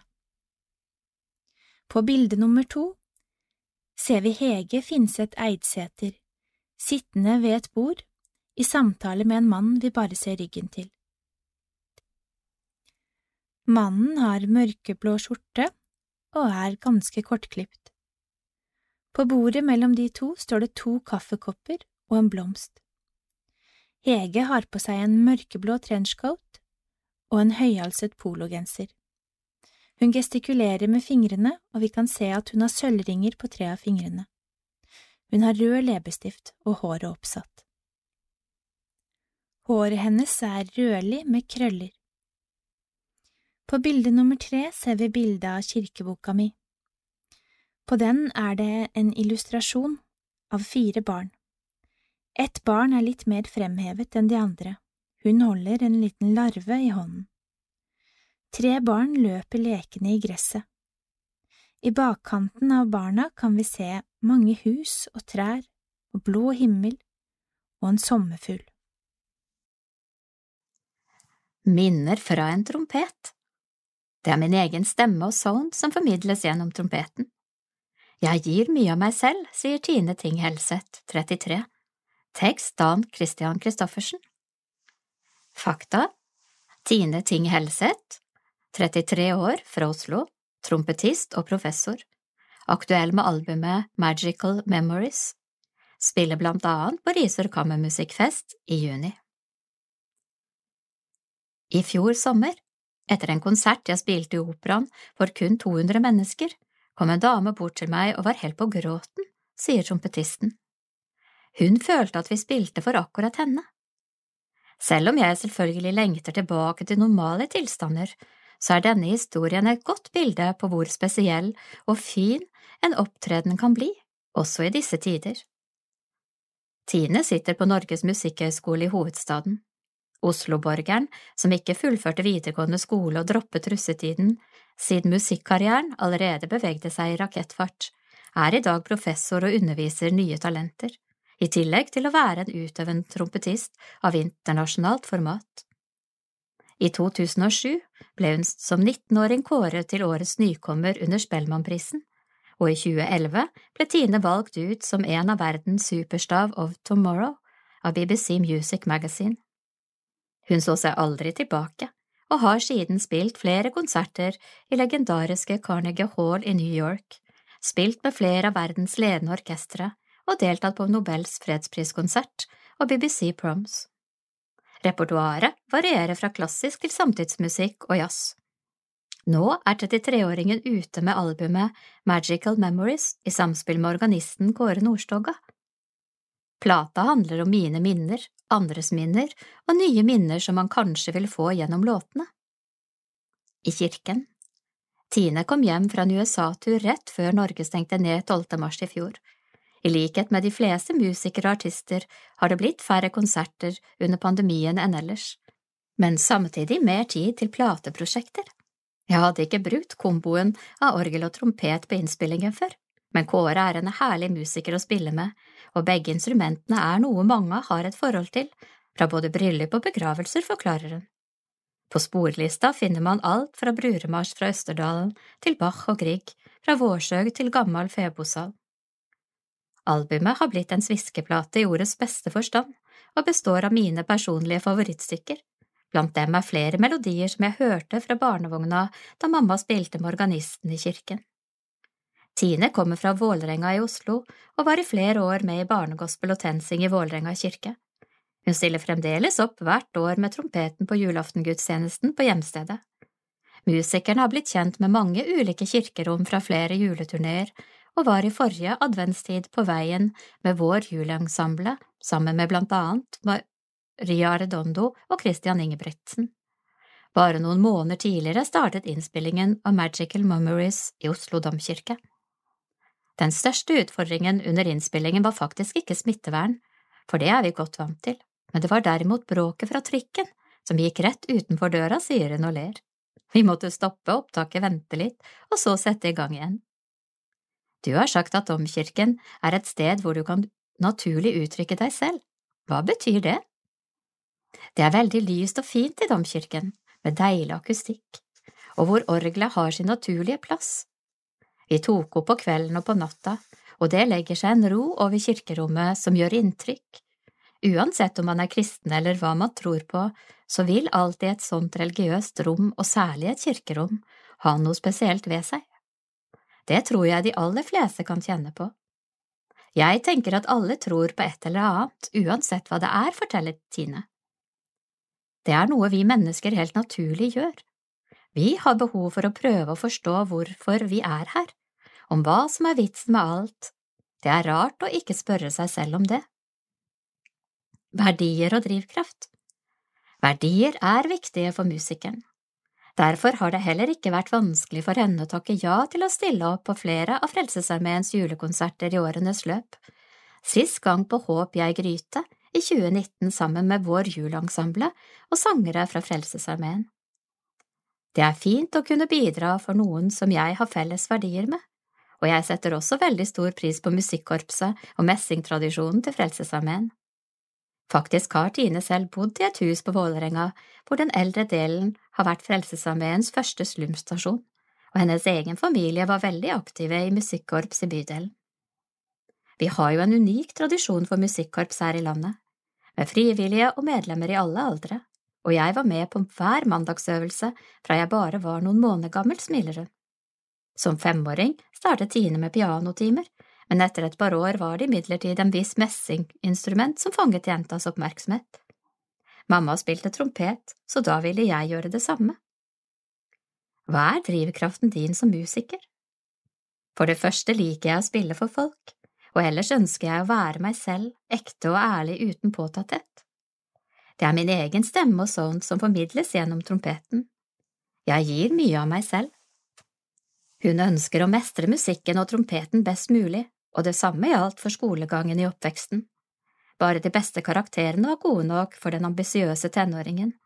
Etter det musikalske gjennombruddet kom flere intense år med konstant jobbing, og Tine gikk på den berømte smellen. Hun nærmet seg 30 år og beskriver et hurtiggående tog som ga et enormt kick, men også stor slitasje. Det er en levemåte som ikke holder i lengden. Jeg bestemte meg for å sette ned tempoet, og møtte samtidig mannen min og prioriterte vennene mine. Jeg lærte at det finnes viktigere ting i livet enn å være musiker, selv om jeg fremdeles vil utvikle meg. Sorg og glede Det har blitt mange minner siden musikeren første gang strammet leppene mot trompetens munnstykke, trakk pusten, trykket på ventilene og blåste. Reisen har vært følelsesladet, som da hun 24. juli 2011 sto på Rådhusplassen i Oslo to dager etter de forferdelige terrorangrepene som preget hele Norge. Kjetil Bjerkestrand og jeg spilte Vita Lux, Livets lys. Stykket startet helt solo med en enkel og rørende melodi, og da løftet alle rosene sine opp mot himmelen. Det er et av de største øyeblikkene i livet mitt, sier en rørt Tine. Da var det bare å lukke øynene og tenke på at dette er for noen andre enn meg for gråting og trompetspilling er ingen god kombinasjon. En total motsats kom i 2013, da den norske trompetisten ble invitert til å spille under den berømte konsertserien BBC Proms i Royal Albert Hall, attpåtil på sin egen fødselsdag. Orkesteret spilte bursdagssangen under prøven, og da vi skulle starte konserten, sto publikum helt opp til scenen og sa Happy birthday! Hvem er Tine Ting Helseth i dag? Jeg liker å tro at jeg er en person som har integritet og tydelige verdier, at jeg bryr meg om folk, mine nærmeste og de nære tingene. Du har vunnet flere priser og spilt i store konsertsaler verden over. Gjør det at de nære tingene blir ekstra viktige? Det ble tydelig for et par år siden, da jeg og mannen min spilte brettspill med et vennepar hjemme i leiligheten. 48 timer tidligere hadde jeg stått på scenen i Carnegie Hall i New York med stor ståhei, forteller hun. Det er noe godt med den balansen som gjør at jeg kan ha det fint. Vendepunkt Tro på lufta av Åse Victoria Vangen Hennes tid som misjonær i Etiopia ble ikke lang, men misjonskallet til Anne Birgitte Lillebø Bø lever videre gjennom radio. Anne Birgitte Lillebø Bø, alder 49, fra Sylte i Vanylven, Sunnmøre, bosted Varhaug, Rogaland, jobb daglig leder og ansvarlig redaktør i Petro. Jeg har alltid hatt et ønske om å fortelle om Jesus på en eller annen måte, og nå får jeg formidlet det gjennom radio, sier Anne Birgitte Lillebø Bø. I dag er hun daglig leder og ansvarlig redaktør i den kristne radiokanalen Petro.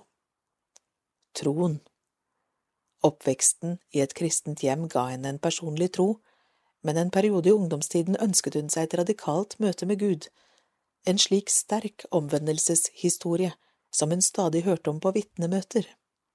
Men det skjedde aldri.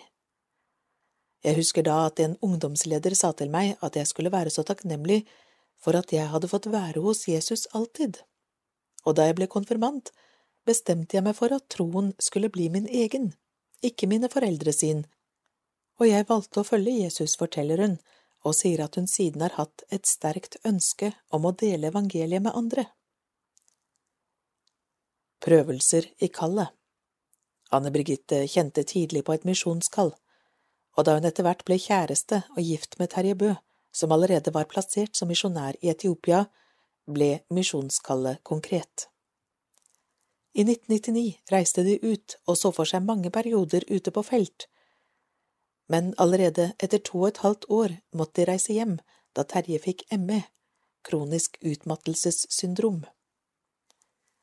Det førte ikke til en troskrise for meg, men jeg begynte å stille spørsmål rundt Guds plan for oss og hva som var meningen med at vi dro ut. Likevel har jeg merket at Gud har vært med gjennom det som har vært vanskelig, forteller hun. Selv om Terje etter noen år ble frisk, har det av ulike grunner ikke vært aktuelt for dem å reise ut igjen. Livet blir ikke som man har tenkt, men jeg tror likevel Gud har en plan i det hele. Skole og radio Hjemme fra Etiopia bosatte de seg på Varhaug, der de etter hvert også fikk fire barn. Anne Birgitte, som er utdannet lærer, begynte å jobbe på den lokale skolen. Hun trivdes godt som lærer, men etter 20 år kjente hun på at hun kunne tenke seg å gjøre noe annet. Plutselig fikk hun en tanke om at radio var noe hun kunne hatt lyst til, og i 2018 søkte hun på en stilling som journalist i Petro. Jeg hadde verken utdanning eller erfaring innen området, men jeg våget å søke, og ting la seg til rette. Jeg kjente med en gang jeg startet at det var dette jeg skulle, så jeg ser på det som Guds ledelse. Hun understreker at hun ikke ser sekulære jobber som mindre viktige enn kristent arbeid, og forteller at hun er takknemlig for å ha fått være et kristent vitne blant elever og kolleger gjennom mange år i lærerjobben. Likevel syns hun det er stort at hun nå kan fortelle helt fritt om Jesus på radio, og hun gleder seg til hver dag på jobb. Når jeg går av jobb på fredag, gleder jeg meg allerede til mandag, selv om det selvsagt er travelt. Vi har tre barn som bor hjemme, og har vært opptatt av å kunne være hjemme litt med barna, så full jobb i radioen hadde ikke gått uten en veldig god mann som støtter meg i det jeg driver med, og bidrar ekstra for at familiekabalen skal gå opp frimodig. Anne Birgitte ønsker at kristne skal tørre å være frimodige. Selv er hun opptatt av at Petro ikke skal være en nøytral radio, men et forkynnende misjonsarbeid, og hun vil benytte anledningen til å være tydelig og frimodig i trosformidlingen. Vi deler det aller beste vi har gjennom variert kristen musikk, troshistorier, andaktsstoff og aktuelle reportasjer. I tillegg ønsker vi å snakke sant om hele livet, sier hun, og forteller at Petro blant annet har samlivsskole og foreldreskole. Med radioen når vi også mange som aldri kommer på bedehus eller i kirke, men som kanskje lytter i smug eller tilfeldigvis dumper innom radiokanalen. Jeg tror Jesus er sannheten med stor S, og det vil jeg dele med alle, tydelig og klart, avslutter Anne Birgitte Lillebø Bø. Snakker med ungdom om menneskets verdi av Susanne Vård Odlandsvik. Hvordan kan vi bidra til å skape et samfunn med plass til alle? Det er et av spørsmålene Fredrik Høst Hansen stiller når han møter unge mennesker over hele landet. Det siste året har undervisningskonsulent Fredrik Høst Hansen, 26 år, i Menneskeverd, reist rundt til folkehøyskoler, konfirmantgrupper, ungdomsskoler og videregående skoler for å snakke om når et menneske får verdi, og hvorvidt alle mennesker har rett til å leve. Temaer som abort, sortering og dødshjelp skaper engasjement og diskusjon. Til tross for nedstengninger av skoler og lokalsamfunn flere steder i landet, har Fredrik gjennomført nesten alle undervisningsoppdragene han hadde på planen. Kun tre ganger har han vært nødt til å undervise digitalt i stedet for fysisk. Det er soleklart bedre å være fysisk til stede og kunne møte ungdommen. Man får en helt annen kontakt, og det er mye lavere terskel for samtaler og diskusjon når man møtes ansikt til ansikt, sier Fredrik. Hvilke temaer opplever du engasjerer ungdommene aller mest? Abort og spørsmålet om når menneskelivet får verdi er temaer som de fleste har en del tanker rundt, og som engasjerer. Det blir ofte mange spennende samtaler rundt disse spørsmålene. Et samfunn med plass til alle. Hvorfor er det viktig å undervise ungdom om disse temaene? Når jeg spør ungdommene når begynner livet, får jeg hundre forskjellige svar. Hvordan kan det komme så mange ulike svar på noe så grunnleggende, som besvares så tydelig innenfor biologien? Det blir stadig viktigere at meningene vi har, er basert i kunnskap og fakta, og ikke i hva vi selv synes er riktig. Hvordan ble du selv engasjert i disse temaene? Jeg har alltid vært engasjert i at mennesker skal føle seg akseptert, og at det skal være plass til alle i samfunnet. Det er lite som slår den tryggheten man kjenner på når man er ønsket og velkommen et sted. Det er vondt å kjenne på det motsatte. Jeg tror de fleste har kjent på den sistnevnte følelsen. Vi gjør mye riktig i Norge, men vi må ikke glemme at vi som land fortsatt har et stort forbedringspotensial. Temaer som sortering, abort og dødshjelp skaper ofte sinne og steile fronter, men jeg ønsker å nærme meg tematikken uten at jeg eller de som lytter, kommer i forsvarsmodus. Vi må kunne snakke om tematikk som dette på en sivilisert måte, uansett hvilke tanker vi har pakket med oss i bagasjen. Meningsfullt Hvorfor skal menneskeverd fortsette å drive med undervisning og holdningsskapende arbeid? Vi har alle holdninger som vi trenger å utfordre, og vi må hele tiden tørre å ta stilling til de holdningene vi har, så vi ikke havner i et spor hvor vi mener det vi mener kun av gammel vane. Lovene vi har i Norge påvirker hvilket menneskesyn vi har, og det er viktig at de unge blir bevisst på dette. I årene fremover vil det komme mange nye debatter, ikke minst knyttet til bioteknologi og aktiv dødshjelp, og da bør man ha gjort seg opp noen tanker. Hva er det mest utfordrende i denne jobben? Det kan være ganske skummelt å stå foran mange mennesker som jeg ikke aner hvem er. Jeg vet ikke hvilke historier de bærer med seg, eller hva de har gått igjennom før vi møtes. Og der, helt ut av intet, kommer det en ung herremann som skal snakke om temaer som mange helst vil unngå å prate om, og det skal jeg gjøre på en god måte, uten for mye snikksnakk på ganske kort tid. Hvordan er følelsen etterpå? Den er god, jeg er ofte lettet, særlig når jeg merker at responsen har vært bra. Da synker det inn hvor meningsfullt det er å snakke om disse temaene. Nye refleksjoner Hva gir mest kick? Jeg synes det er veldig gøy å få spørsmål som blir starten på gode samtaler, da opplever jeg at jeg har nådd målet. Målet er ikke å tre meninger over hodet på dem som er der, men å åpne opp for nye refleksjoner og skape gode samtaler. Hva har det gjort med deg personlig å jobbe såpass mye med disse temaene? Det kan ofte være tungt å dykke inn i en del av tematikken vi jobber med, derfor er det godt å ha kolleger man kan stille spørsmål og snakke med. Jeg tror jeg har vokst mye på det å tørre å stille dumme spørsmål i hermetegn. Det er viktig å spørre.